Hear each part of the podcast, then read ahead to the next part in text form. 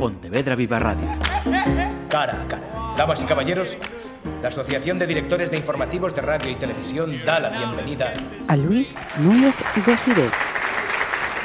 El próximo 29 de este mes va a entrar en vigor la Ley de Protección de los Derechos y el Bienestar de los Animales, que todos llamamos la Ley de Bienestar Animal.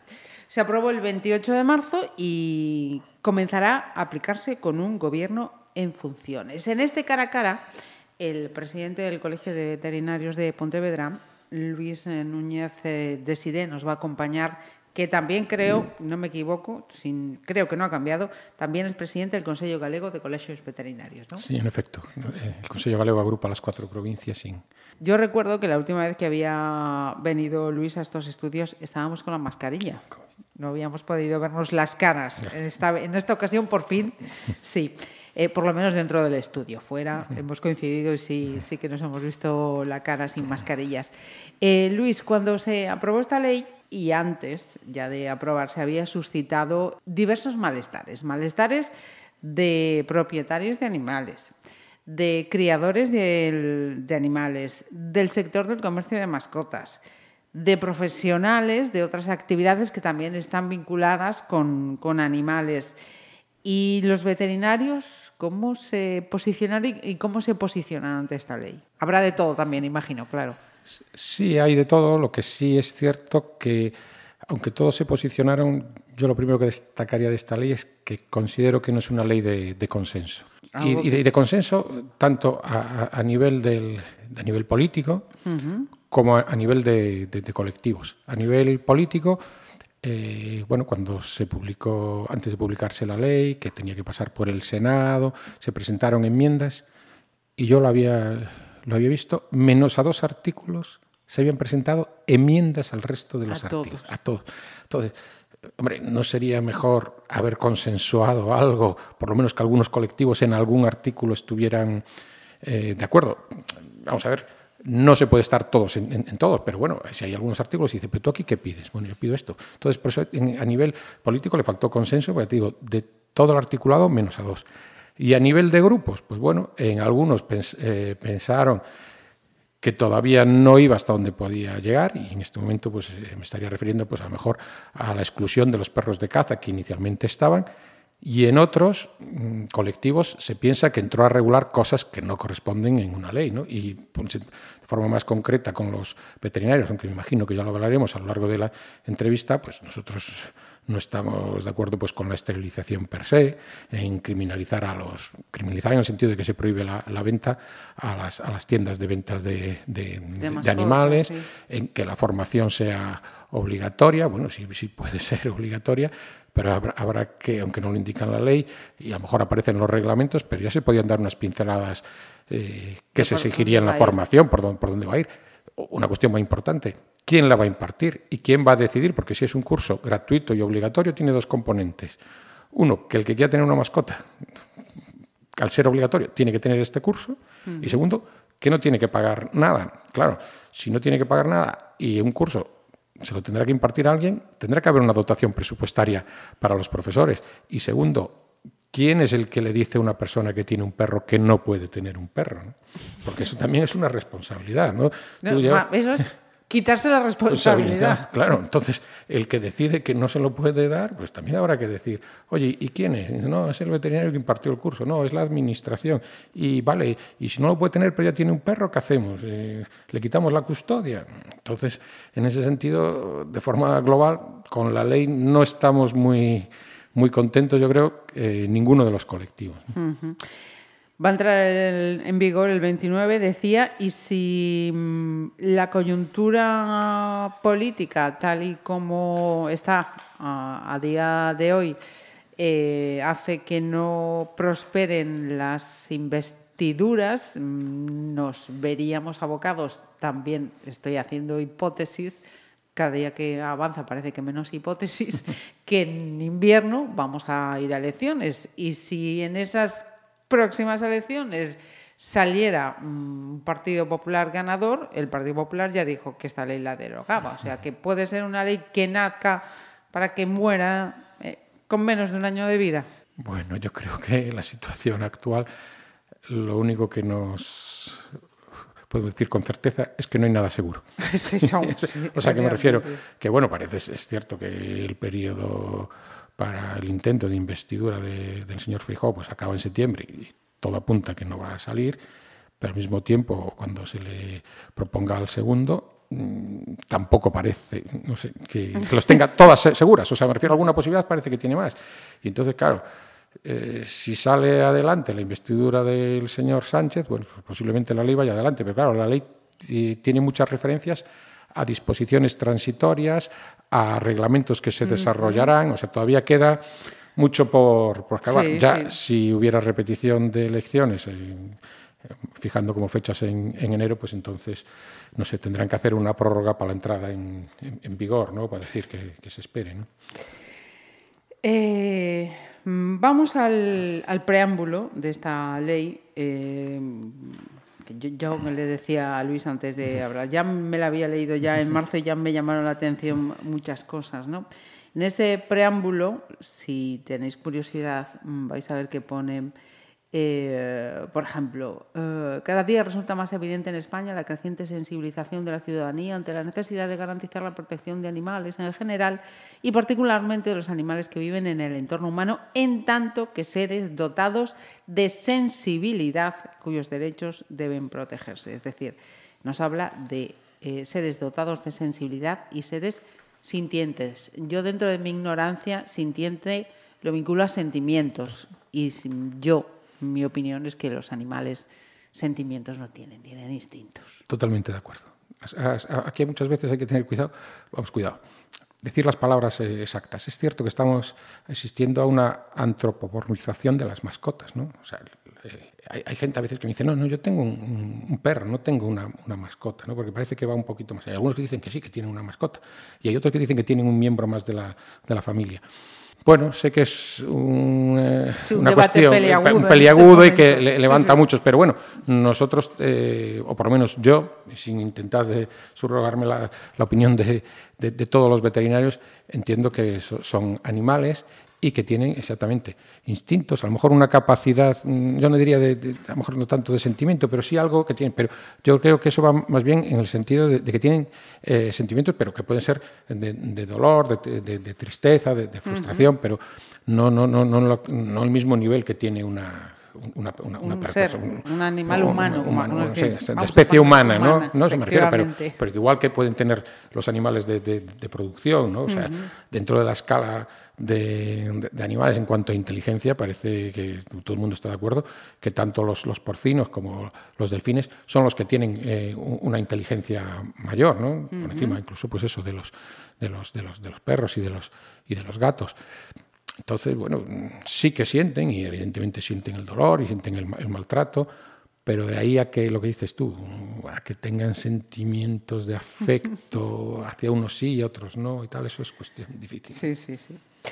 Doy un pasito mal, un pasito mal, vaya, un pasito más, igual mal también, quién sabe. Quería entrar en el siguiente artículo, el artículo 3, que nos habla de definiciones. Y yo, al menos yo, me encuentro con un guirigay de términos abrumador. Y cito, animal de compañía, animal doméstico, animal silvestre, animal silvestre en cautividad, animal abandonado, animal desamparado, animal extraviado, animal identificado, animal utilizado en actividades específicas, Animal utilizado en actividades profesionales. Eh, bienestar animal, casa de acogida, centro de protección animal, CER, colonia felina, criador, criadora registrado, registrada, cuidador, cuidadora de colonia felina, entidades de protección animal, entorno naturalizado, esterilización, fauna, fauna urbana, gato comunitario, gato merodeador, gestión de colonias felinas, listado positivo de animales de compañía, eh, núcleos zoológicos de animales de compañía, persona responsable, perro de asistencia, persona titular, y ahí lo dejo porque la siguiente pregunta también eh, quería incidir. ¿Vosotros como veterinarios tenéis todo eso claro? No. Algunas cuestiones sí, evidentemente, lo que es la identificación, un animal doméstico, un animal silvestre, sí sabemos, porque hay, hay unas definiciones, hay una ley 8 del 2003 que ya los, ya los venía a definir, ¿no? cuando distingue entre animales de producción, animales domésticos y animales de, de, compañía, ¿no?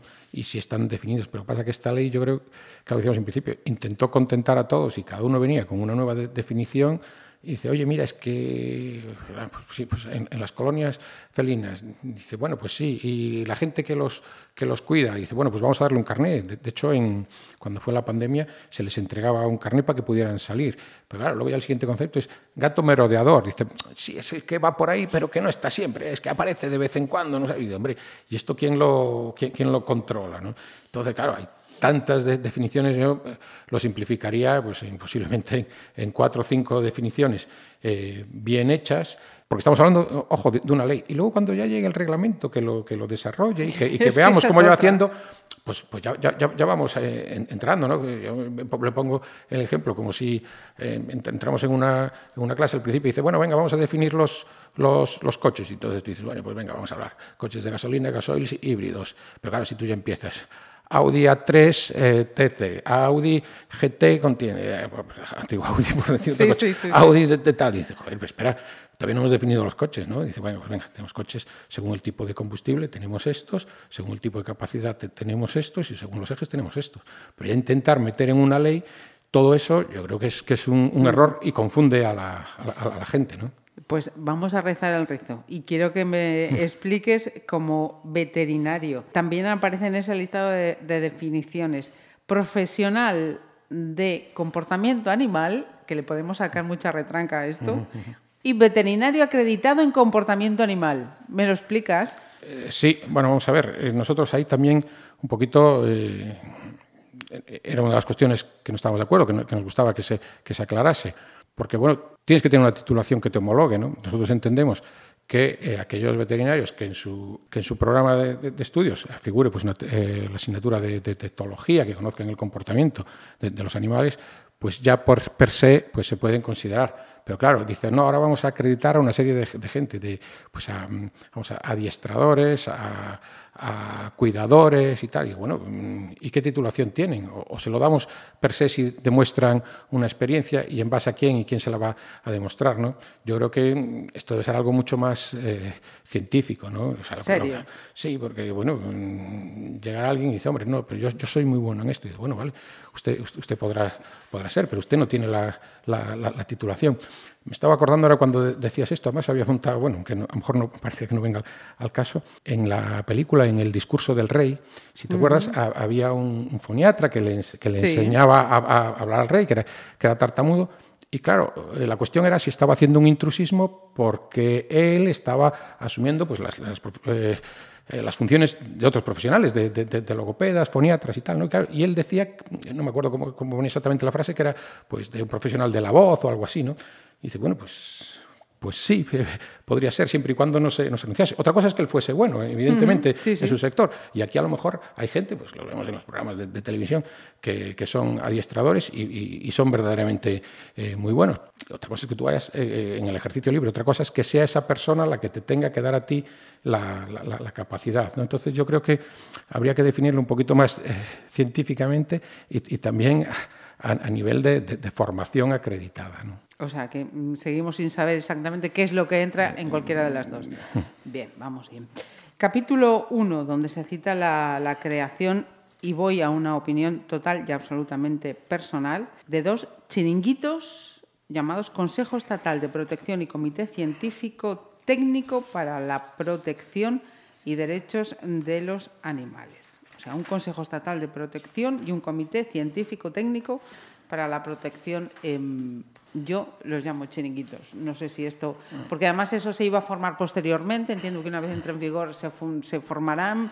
No queda nada claro para qué van a ser. Sí, eso sí, el número de personas que van a entrar en cada uno de ellos. En fin. Sí, vamos a ver. Eh, nosotros también, esto es una cuestión que que lo hablamos, ¿no? En, efecto, en, la ley se habla también de un plan estatal de protección animal, ¿no? y que dice que se publicará antes del 29 de septiembre del 25, es decir, dentro de dos años es cuando se publicará. Pero al mismo tiempo en toda la ley nos dice, bueno, cuando se publique y se dirá cuando entre en vigor. En este caso, pues la ley se publicó y entraba a los seis meses, pero en algunas cuestiones que se, que se indican aquí en la ley dice, bueno, vamos a publicar también esta ley y entrará en vigor a los 30 meses perdón, y se aplicará a los 30 meses de cuando indiquen el reglamento que se publicará. nos van entrando muchos. Pues en estos son igual, porque tampoco no está muy claro qué funcionarios eh, participarán, porque evidentemente tendrá que haber alguien de la administración. Sí, tampoco miembros de la eh, administración. Sí, pero también luego, ¿cuáles son las asociaciones más, más representativas? ¿no? Porque, en, base a qué? ¿no? Porque dice, la Asociación de Criadores de Gatos, la presidenta de la Asociación de Gatos Callejeros, la presidenta de la Asociación de Protectoras, eh, la, la Asociación contra el Maltrato Animal, ¿no? Digo, bueno, al final tantas siglas y, y, no sabemos, digo, bueno, pues es más fácil algo más... Más, más, preciso, sí, sí, sí, no, no es todo muy, muy así a lo, a lo tal. Seguimos en ese articulado. Me voy al artículo 26, obligaciones con respecto a los animales de compañía. En uno de los apartados dice, eh, como obligación Obligación a evitar que los animales depositen sus excrementos y orines en lugares de paso habitual de otras personas, como fachadas, puertas o entradas de establecimientos, procediendo en todo caso a la retirada o limpieza de aquellos eh, con productos biodegradables. Y yo decía, em, esta circunstancia la estamos viendo constantemente, quejas ciudadanas día eh, tras día, pero pone evitar, no pone prohibir. Sí, luego aparte, decías al principio, define en qué lugares, pero tampoco nos define exactamente, dice zonas eh, de, tránsito, de, tránsito, de, mucho tránsito. Y, bueno, ¿y cuáles son las zonas de, mucho tránsito?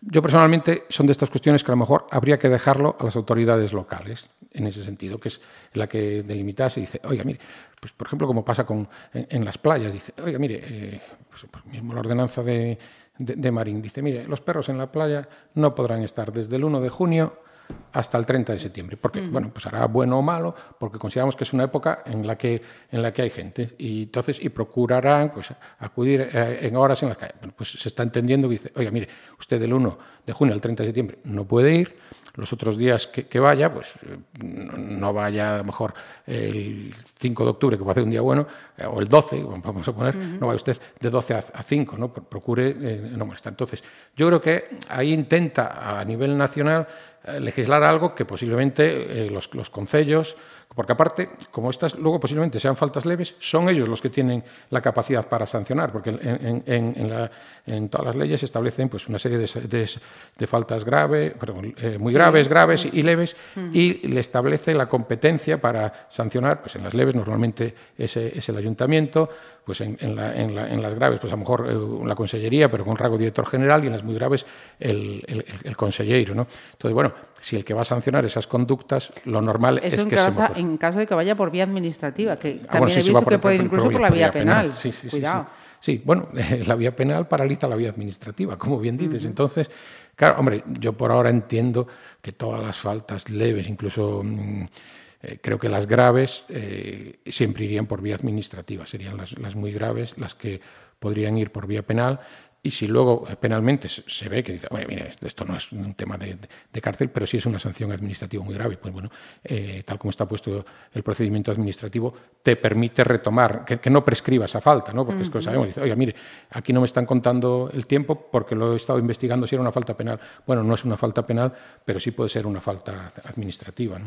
Y artículo 29, ahí trata el tema de, acceso de, de animales, por ejemplo, a transportes públicos y privados que dice facilitarán la entrada de animales de compañía que no constituyan riesgo para las personas. O sea, entiendo que todos los transportes por tierra, mar o aire y mm, servicios como taxis tienen que facilitar la entrada de animales. Bueno, por la redacción de la ley parece que sí. ahora la situación actual es que hay un, derecho de admisión. Tú vas a un hotel en la que te pones si se admiten mascotas o no se admiten mascotas, dentro de la, libertad que tiene el, dueño del, establecimiento.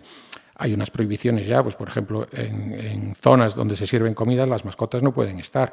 Pero entendiendo, nosotros a veces hemos tenido, pues a lo mejor en la zona de, cocinas, pero sí pueden estar en las terrazas con los, con los, con los dueños, ¿no? Pero yo creo que será el propio dueño el que establecerá los límites. En los transportes urbanos, pues bueno, pues sí que se podrá regular, pero a lo mejor habrá que establecer pues una serie de líneas en las que se o horarios en los que se permita que vayan con, mascotas y otros en los que no. no sé, estoy aquí porque en Pontevedra tenemos este caso que dice, oiga, mire, pero en las horas en punta eh, eh, cero cero. cuando la gente va a trabajar, y tal, pues que no se pueda. O decir, oiga, mire, pues eh, de estos trenes se pueden ir con mascotas el de las once y media, doce y media y una y media. Y no se podrán ir el de las doce. O sea, hay que conciliar un poquito los intereses de todos. Y volvemos a, a, repetir otra cosa que llevamos casi desde el principio. Habrá que, o sea, que una ley entra en vigor sin que se determine exactamente cómo vamos a proceder. Y el ejemplo que ponías antes del Ayuntamiento de Marín, porque también en este punto habla de playas y dice los ayuntamientos promoverán el acceso a playas, parques y otros espacios públicos.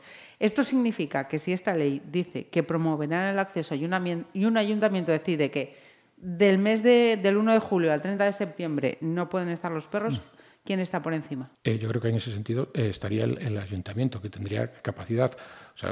porque ahí, eh, bueno, a veces también se usan muchos términos, promoverá, estimulará, evitará. Claro, no, vamos a ver, yo creo que es mucho más sencillo para ti como, como propietario que te diga, oye, mire, a la playa no puedes venir en, periodo de, verano. Que a lo mejor, oye, llega un día, 12 eh, de agosto, está jarreando y puedes ir a pasar. puedes pasar y nadie te va a decir nada porque no hay, no hay, no hay, gente, ¿no? Pero bueno, yo creo que hay que respetar un poquito a todos, ¿no? Tanto al que tiene una mascota como al que no tiene. Y es cierto que también hay muchos sitios sin necesidad de ir con un animal en, un sitio muy concurrido. Y una cuestión que a veces se nos olvida, ¿eh? que es, muy importante, y eso ya está recogido en la ley actual. Y bueno, Creo que ya por dónde vamos a ir. Sí, es obligatorio que todos los, perros vayan con bozal y con correa. Eso es obligatorio. Y donde te permiten sacarlo, pues en, cierto, en zonas donde tú ya eres responsable, eh, digamos, de que esa mascota no haga nada. Una, ley, una cuestión que tiene bien esta ley, que sin embargo también está sin desarrollar, es que obliga a tener un seguro de responsabilidad civil. Eh, ahí, por ahí, vamos a entrar en los siguientes puntos, artículos 39 Claro, la, 30. La, normativa, por eso te digo, aquí hay eh, toda, esta normativa, que quede muy claro, eh, no viene a llenar un vacío.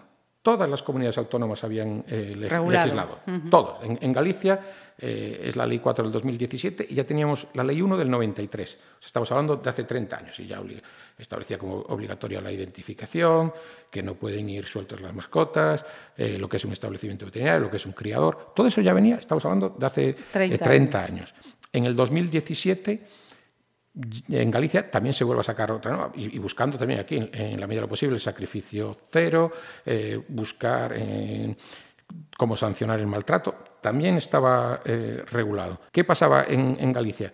Que los perros potencialmente peligrosos, que era una serie de, razas que se habían definido per se, y los cruces de estos y los que tenían un comportamiento agresivo, ya tenían que tener un seguro de responsabilidad civil el propietario, por un importe de 125.000 euros. En el sentido de que si ese animal causaba un, destrozo, pues tú tenías un seguro que te, que, te avalase. Ahora dice que es obligatorio para todos. Bueno, vale, pero es que no dice por qué importe lo tienes que tener, qué coberturas va a tener. Porque aparte, aquí hay una cuestión. Nosotros en Galicia tenemos eh, casi 800.000 mascotas eh, censadas. Nosotros me parece que en Galicia somos eh, 2.800.000. Digamos que cada siete habitantes hay, hay dos mascotas. ¿Qué quiere decir con eso? Que todavía el 70% de, de, la población no, no, no tiene, no tiene mascotas. Según esta ley, uno de cada tres. Sí, según, la ley. Bueno, yo decía el, 70 más o menos. Sí, porque bueno, también es cierto que luego hay propietarios que tienen más de una mascota y tal, ¿no? Bueno, hay, hay que verlos. Pero claro, yo no tengo una mascota y esa mascota me causa un destrozo en mi propiedad o me, o me muerde, alguien tendrá que hacerse, que hacerse cargo, ¿no? Entonces, bueno, también ahora, cuando se publicó la ley, no costaba tanto decir, oiga, mire, con estas coberturas mínimas y eh, con, con, esta dotación mínima, ¿no? Bueno, evidentemente ahora es una oportunidad también para las compañías aseguradoras porque tenemos, que tener en cuenta, también lo hablaban, muchas de las viviendas tienen incluido el seguro de la mascota. Ahora a lo mejor lo empezarán a, ver porque dicen, oiga, mire, a, ver si yo le tengo aquí un seguro de, por decirte, del continente de 20.000 y resulta que esta mascota está obligada a tener uno de 40.000. O sea que hay muchas cuestiones que, que hay que, matizar. incluso el tiempo de duración, claro, porque yo, según entre en vigor, tengo que tener el seguro y digo yo, bueno. Hombre, eh, yo creo, eh, aunque la ley, eh, pues cuando decías, dice, no, si entra el Partido Popular la va a derogar. Vamos a ver, yo creo que esta ley se matizará, pero no tanto como para como para derogarla. ¿no? O sea, hay, una serie de cuestiones. La identificación obligatoria seguirá siendo porque ya las normas autonómicas ya lo, obligaban. Eh, ¿Qué establece, por ejemplo, en Galicia como novedad? La identificación obligatoria de los gatos, que en Galicia no era obligatoria. ¿no? Aquí ahora pasa a ser obligatoria. El seguro, pues posiblemente se, mantenga. Ah, ah, ¿Qué, pasa? Que luego a lo mejor ya pues, lo del curso eh, obligatorio, todas esas cosas se matizarán. Pero bueno, lo que es el espíritu de la ley, que yo aunque a veces carguemos las tintas contra ella, yo creo que había dos ideas principales mm, que ellos partaban, que es fomentar la eh, identificación, que eso evita el abandono, y segundo, evitar el maltrato. En eso estamos todos de acuerdo, como punto de partida. Y ahora, es ¿cómo lo vamos a hacer eso? Pues eh, para evitar el abandono, es verdad que eh, la mejor forma es, la identificación, porque una vez que tú tienes una mascota identificada, te pone un microchip que es para toda la vida, es como si te dieran un DNI y si esa mascota se pierde, en cualquier sitio que te la pasen, te, dirán, oye, mira, esta es, de, José Rodríguez con este domicilio y este teléfono. Cuando lo ponen accediendo a la base de datos, que la base de datos lo tiene esto. Oye, que esta mascota ha entrado en esta finca y me ha destrozado, me ha matado tres ovejas, esta mascota es de este señor. Dice, oiga, su mascota. Entonces, en eso estamos todos, todos de acuerdo. En evitar el maltrato, pues también, ¿entiendes? O sea, ahora, la cuestión es qué es maltrato de una mascota, lo que es una, vivienda. Ahora que también no sé si entraremos a ver cada cuánto tiempo hay que ir a ver a, una, a, una, mascota que te dice, no, no, no puede estar solo más de un día, no puede estar solo más de tres días, tienes que tener son cuestiones que yo no, eh, me, me, parece que hay que dejar un poquito. Eh, mira, te propongo una cosa, Luis, como esto se nos va a estirar, ¿qué te parece si hacemos, dejamos este aquí y hacemos un segundo para que no nos pierdan detalle y tengamos todo controlado? Muy bien. Pontevedra Viva Radio. ¿Me permiten que les haga un comentario como espectadores del programa Cara a Cara? Según un reciente sondeo de mercado, Ustedes disponen de estudios e inteligencias superiores a la media. Sus intereses abarcan desde la actualidad mundial y la ciencia hasta el deporte y los espectáculos.